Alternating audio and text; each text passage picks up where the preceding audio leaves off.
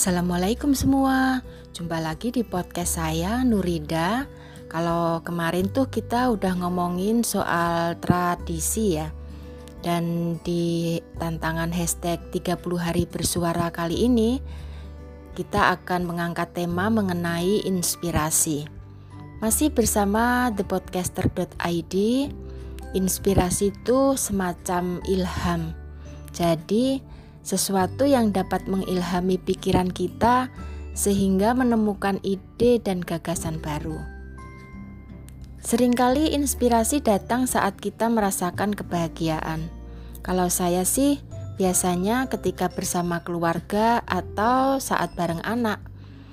Seperti ketika membuat podcast ini, Inspirasi itu muncul karena ingin berbagi sesuatu kepada orang tua seperti saya yang memiliki anak, terutama yang seusia teenager ya, agar sama-sama bisa mendampingi mereka yang harus PJJ dan belajar di rumah saja di sepanjang pandemi sekarang ini. Untuk mendapatkan inspirasi itu sebenarnya bisa dari mana aja ya dari baca buku, bertemu seseorang, atau dalam aktivitas kehidupan sehari-hari pun, ketika kita menemui kejadian atau mengalami sesuatu, bisa menjadi sebuah inspirasi untuk kemudian menghasilkan karya. Inspirasi juga bisa datang saat mengalami kejadian yang tidak menyenangkan. Ingat cerita Thomas Alva Edison yang menemukan listrik dan sekarang bisa kita gunakan untuk apa pun. Inspirasinya datang ketika dianggap bodoh oleh gurunya saat dia tidak satu frekuensi karena sering menanyakan hal-hal yang dirasa aneh. Sampai-sampai oleh pihak sekolah ia dikembalikan kepada orang tuanya.